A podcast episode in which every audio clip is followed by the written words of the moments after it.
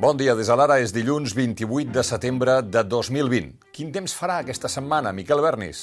La temperatura repuntarà els dies vinents. Aquest migdia ja es notarà, de fet, el canvi a l'alça. Entre dimecres i dijous fins i tot tornarà la sensació de final d'estiu, però el cap de setmana revifarà clarament el fred. Avui els intervals de núvols es concentraran al Pirineu i en comarques de Girona. Dijous serà 1 d'octubre, farà 3 anys, i a partir d'avui en qualsevol moment pot arribar la notícia que el Tribunal Suprem ha inhabilitat el president Torra. Però Torra no quedarà oficialment inhabilitat i, per tant, no haurà d'abandonar el seu despatx al Palau de la Generalitat fins que la sentència no li sigui eh, personalment notificada i es publiqui al butlletí oficial de l'Estat firmada pel rei Felip de Borbó. I això ningú sap exactament amb quin en quina cadència de temps passarà. Per tant, us suggerim que estigueu pendents de les alertes de l'Ara.cat eh, durant el dia. Mentrestant, un jutjat penal de Barcelona obre aquest dilluns vista oral contra Tamara Carrasco. La Fiscalia en demana set mesos de presó i que no pugui votar durant la condemna. Considera que Carrasco va cometre un delicte d'incitació de les ordres públics a través d'un missatge de veu a través de WhatsApp el 2018. Recordem que ja durant més d'un any Tamara Carrasco va estar confinada per ordre judicial sense poder sortir de Viladecans, on viu.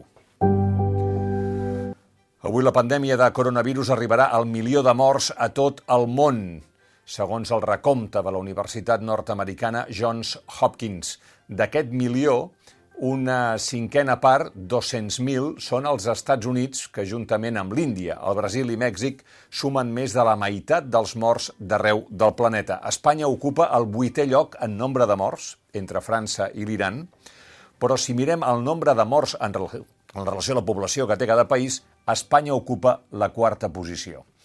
Mentrestant, la situació a Madrid és molt delicada sanitàriament i políticament, fins al punt que el vicepresident de la comunitat, Aguado, de Ciutadans, va sortir cap de, eh, cap de setmana a demanar un alto al foc polític, literalment. I és que durant el cap de setmana el ministre Illa i la presidenta Ayuso se les han tingut. Ayuso es queixava ahir a Antena 3 i ens va tocar el rebre.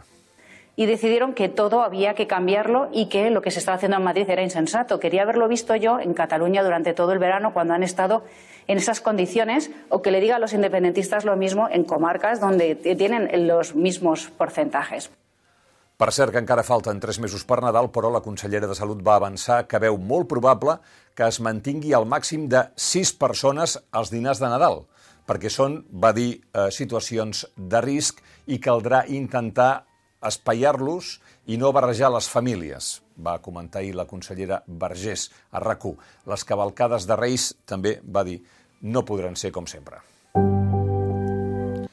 Notícia d'aquesta matinada. El diari The New York Times ha obtingut un dels secrets més ben guardats de la Casa Blanca, les declaracions de la renda de Donald Trump i les seves empreses que el president s'ha negat a fer públiques.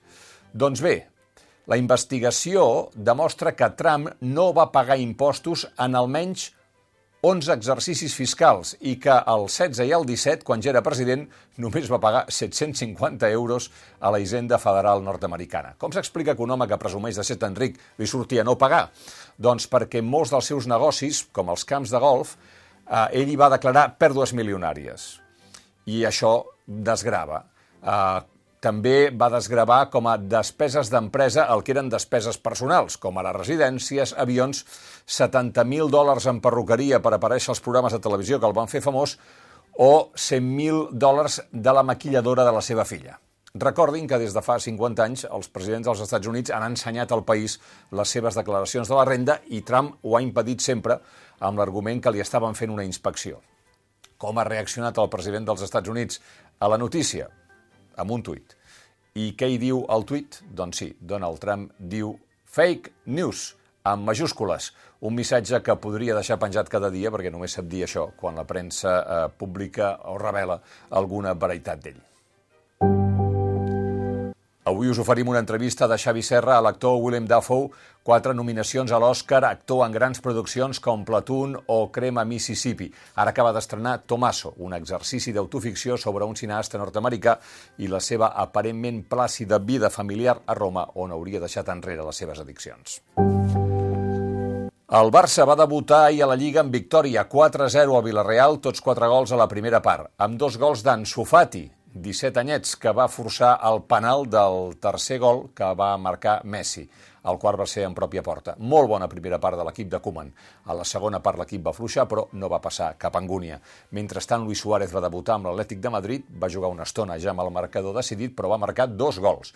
A segona divisió, l'Espanyol va guanyar per 0-2 a Oviedo i el Sabadell va perdre per 1-0 a Mallorca. Precisament diumenge a les 4 a la nova Creu Alta tindrem un Sabadell espanyol.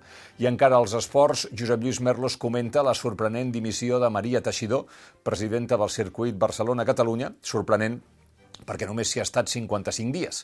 Diu en Merlos que no donar explicacions dona peu a creure que no estava conforme amb les condicions del seu contracte, cosa difícil d'entendre després de portar mesos treballant. Fins aquí les claus del dia. Estigueu al cas que avui pot tornar a ser una jornada espessa en la història d'aquest país. Tornem d'aquí uns minuts amb l'anàlisi de l'actualitat. Thank